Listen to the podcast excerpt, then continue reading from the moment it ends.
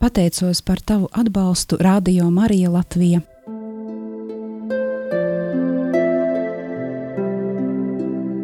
Ignāciskā pusstunda Meditācija ar svētajiem rakstiem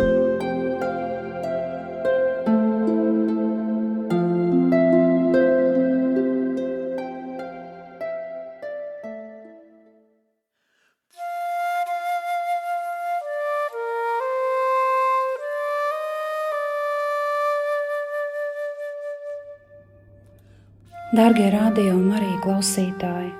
Šodien Ignāciskajā pusstundā lūksimies ar Marka evaņģēliju.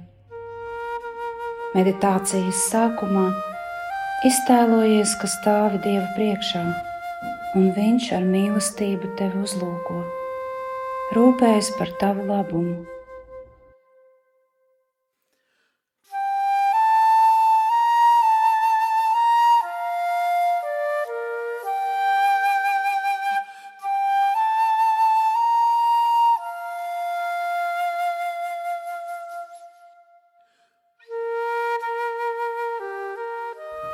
Tagad vēl vairāk apzināties un sagatavo sevi lūgšanai. Prasi no Dieva mūsu Kunga žēlastību, lai visi tavi nodomi, darbības un darbi tiktu vērsti tikai un vienīgi kalpošanai Viņam un Viņa godināšanai. Lūdz Dieva brīvību un dāsnumu žēlastību. Tagad klausies evaņģēlīja fragmentu. Tajā laikā pie Jēzus atnāca spitālīgais, un ceļos nometies lūdza viņu sacīdams: Ja gribi, tu vari mani darīt tīru. Jēzus iežēlojies par viņu, izstiepa roku, pieskārās viņam un sacīja: Es gribu, topi tīrs. Spitālība tulīt izzuda, un cilvēks kļuva tīrs. Jēzus viņu stingri brīdināja, un tūlīt sūtīja projām sacīdams: Pielūko, ka nevienam neko nestāsti, bet ej, parādies priesterim un par savu šķīstīšanu saliec upuri, ko Mūzes ir pavēlējis viņiem par liecību. Bet viņš aizgāja, sāka stāstīt un izplatīt ziņu par notikušo, tā ka Jēzus vairs nevarēja atklāti iet pilsētā, tāpēc viņš uzturējās ārpus pilsētas, nomaļās vietās un ļaudis no visām malām nāca pie viņa.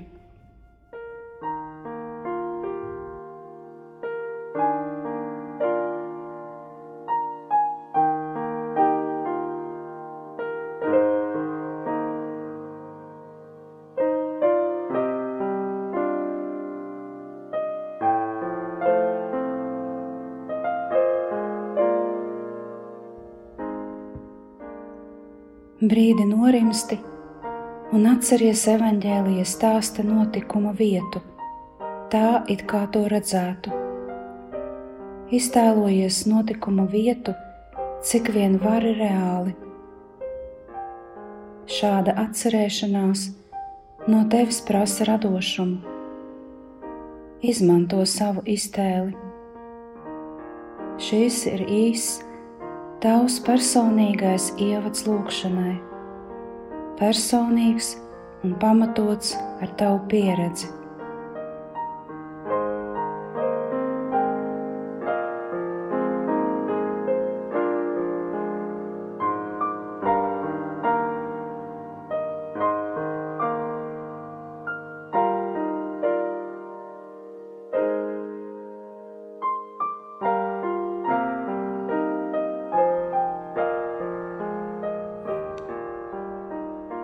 Kontemplācijas žēlastībā es aicināts lūgt to, ko vēlies. Sakoncentrē savu gribu, izsaki vēlmi. Piedāvājums lūgumam ir pieņemt Jēzus gribu arī grūtās situācijās.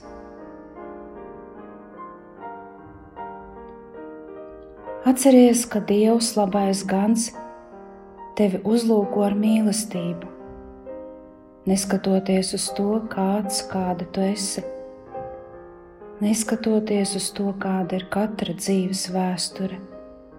un kāda ir tagadējā dzīve. Nesodi sevi, bet uztici Dievam Tēvam, Viņš pats par tevi parūpēsies.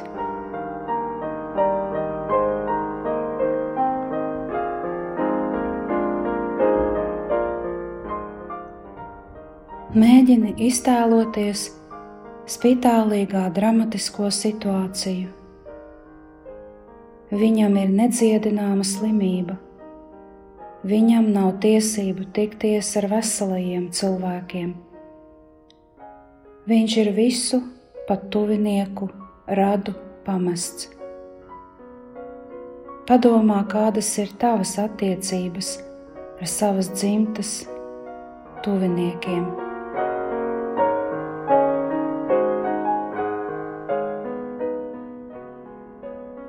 Kungs Jēzus veids vēl vienu brīnumainu dziedināšanu, kas ir pilna ar lielu simbolisku saturu.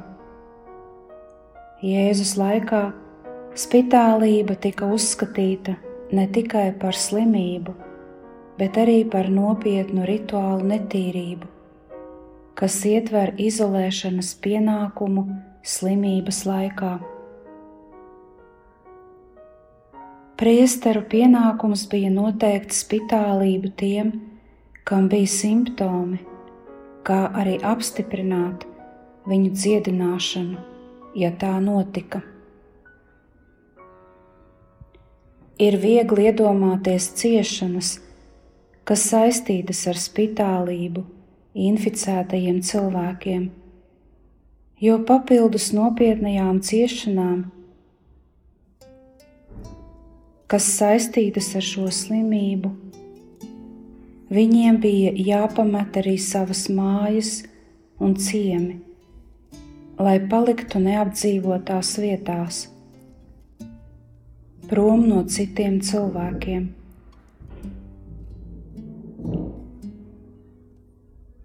Saslimt ar spitālību nozīmē būt mirušam, vēl dzīvam esot šķirtam gan no civilās, gan reliģiskās dzīves. Tāpēc dziedināšana bija kaut kas līdzīgs augšām celšanai.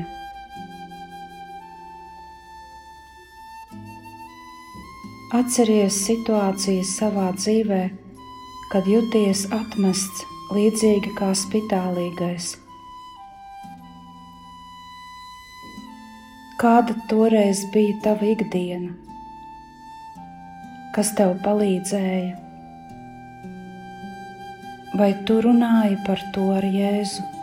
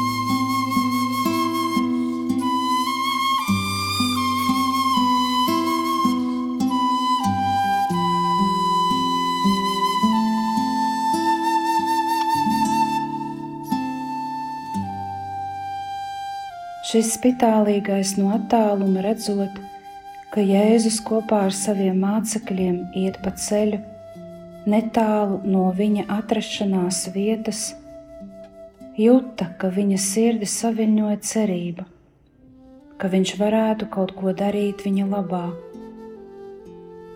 Tāpēc viņš tuvojas skolotājiem un no attāluma, krītot uz ceļiem, pagriežas ar lielu pārliecību par to, ka kungam Jēzum ir spēks to izdarīt. Tajā pašā laikā viņš vēršas pie kunga ar lielu cieņu pret to, ko viņš galu galā nolem. Ja vēlies, vari mani attīrīt.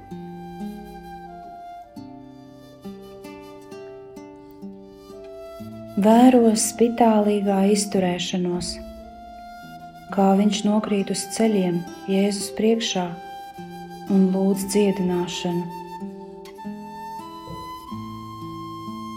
Atceries brīžus savā dzīvēm kad vienīgais mierinājums un cerība tev bija Jēzus. Kāda tanī brīdī bija tava lūkšana? Vai tu jūti, ka Jēzus tevi pieņem?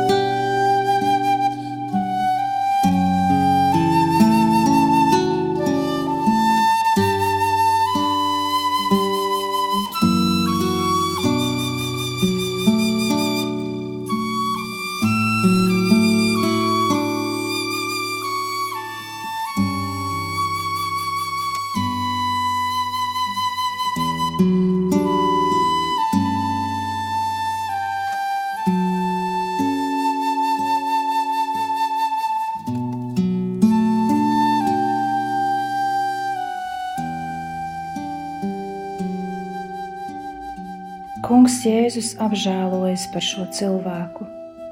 Nekavējoties, pieiet pie viņa klāt, izstiep roku, lai tam pieskartos, un saka: Es gribu, esi šķīstīts. Un dziedināšana notiek nekavējoties. Pieskaršanās spitālīgā ķermeņa ievainotajām vietām skaidri parāda, ka Dievs parasti vēlas izmantot žestus, ar maņām atpazīstamas zīmes, kas pateicoties Dieva darbībai, rada efektu. Pieskaršanās vien nedziedina, bet Dieva spēks caur šo žestu cilvēku dziļi dziedina.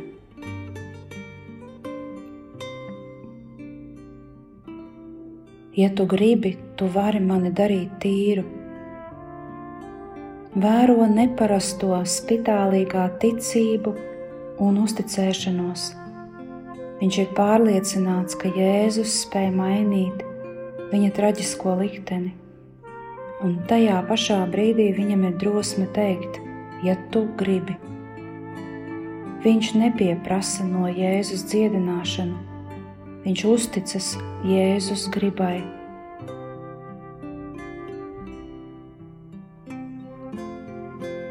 Kaut kas līdzīgs notiek ar sakramentiem, ko iedibināja mūsu Kungs Jēzus Kristus.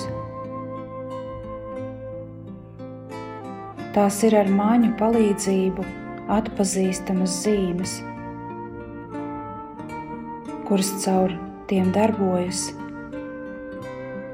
Dievam efektīvi piešķirot žēlastību. Spitālībā var redzēt grēka simbolu kas ir patiesa sirds netīrība, kas ved uz attālināšanos no Dieva. No Dieva cilvēku šķir nevis ķermeņa slimība, bet gan vainas apziņa, dvēseles morālais un garīgais piesārņojums.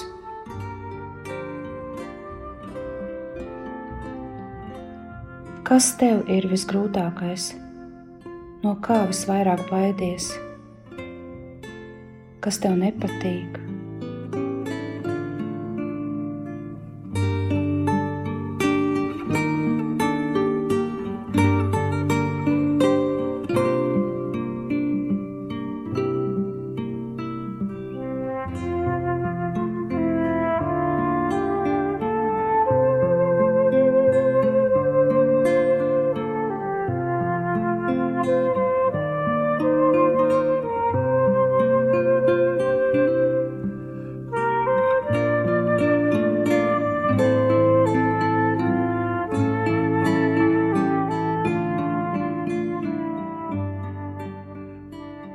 Visu pasaki Jēzum ar vārdiem.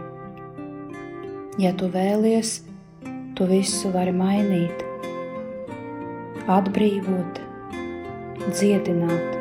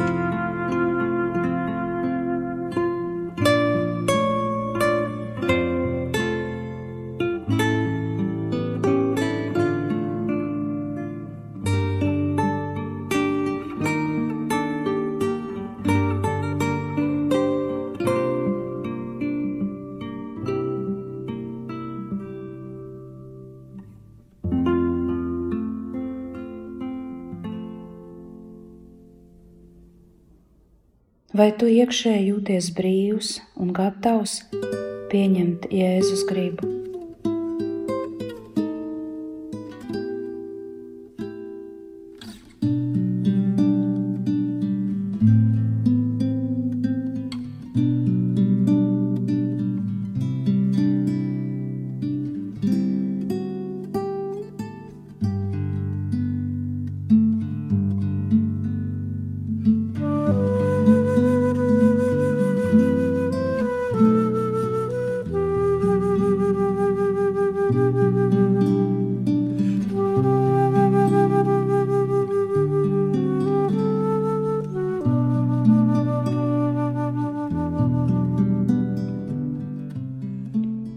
Katrs no mums dažkārt var justies aptraipīts ar savām kļūdām un grēkiem, un nespēt pašam izkļūt no situācijas. Tad ir pienācis laiks vērsties pie Jēzus ar tādu pašu stipru ticību, kāda bija šim cilvēkam. Ja vēlies, vari mani šķīstīt. Ja mūsu sirds ļoti vēlas novērsties no ļaunuma ar kunga palīdzību, un mēs tuvosimies izlīkšanas sakramentam, arī mēs piedzīvosim viņa vārdu efektivitāti. Es gribu, esi šķīstīts. Grēki, kurus mēs iespējams esam izdarījuši, lai gan tie varēja izraisīt vēseles nāvi, tāpat kā izmaiņas spitālīgā ādā, kaut kādā veidā izraisīja viņa nāvi. Tie grēki tiek attīrīti, kad mēs tos pazemīgi izsūdzam. Šajā sakramentā Jēzus Kristus ar savu bezgalīgo žēlastību caur saviem kalpiem mūs atjauno un stiprina, ļaujot mums no jauna sākt prieka un miera pilnu dzīvi.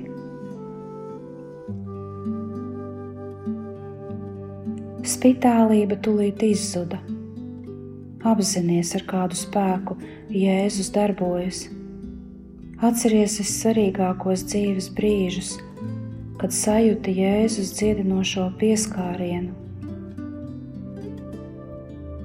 ko tu tieši šobrīd vēlētos lūgt Jēzum?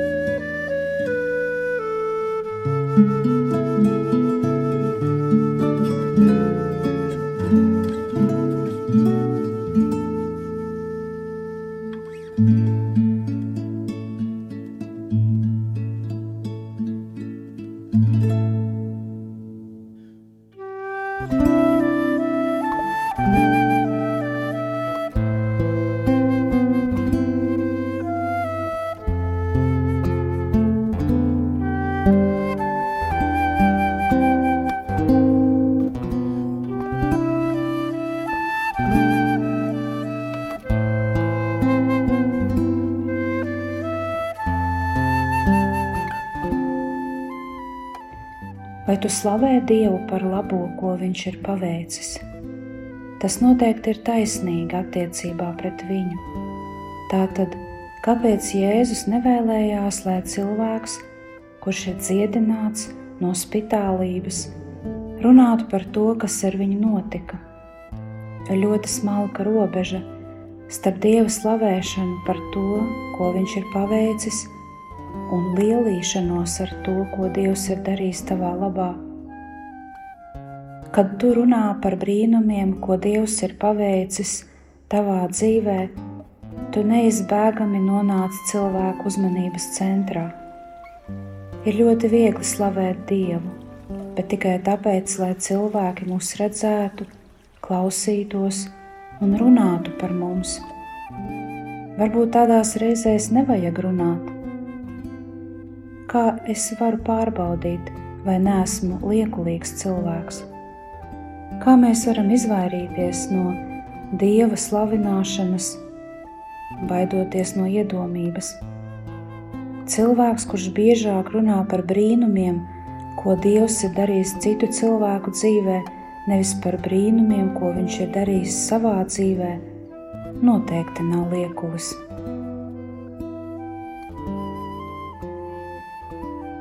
Tagad sirsnīgā sarunā ar Jēzu uzticēšu viņam savu dzīvi.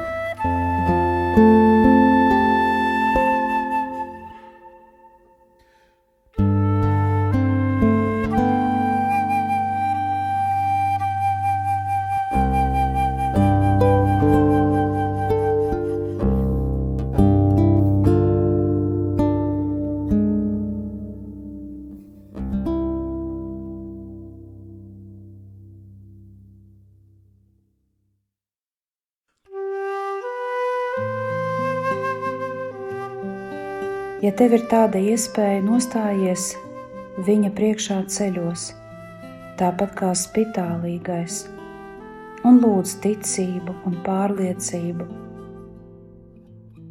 ka viņš vēlas tev palīdzēt, sakot, ja gribi, tu vari mani darīt tīru. Saki viņam, kungs, ja gribi, tu vari mani darīt tīru.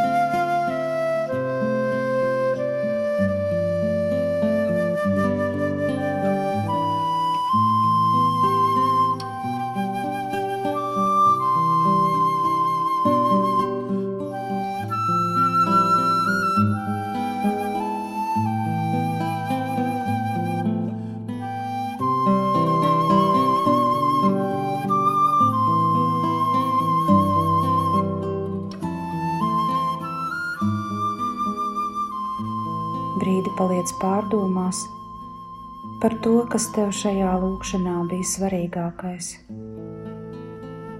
ko tu paņemsi līdzi savā sirdī un savā dzīvē, kas palīdzēs tev būt tuvākam Dievam.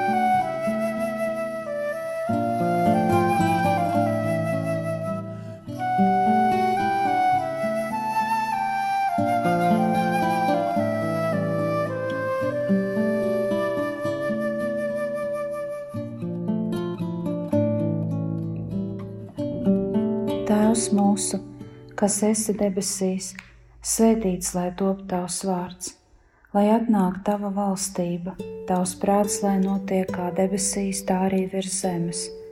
Mūsu dienascho maizi dod mums šodien, un piedod mums mūsu parādus, kā arī mēs piedodam saviem parādniekiem, un neieved mūsu kārdināšanā, bet atpestī mūs no ļauna āmen. Paldies par kopīgu lūgšanu!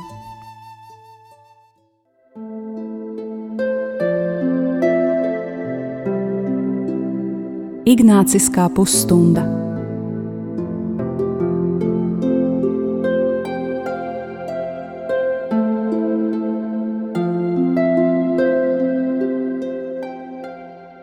Pateicos par tavu atbalstu Radio Marija Latvija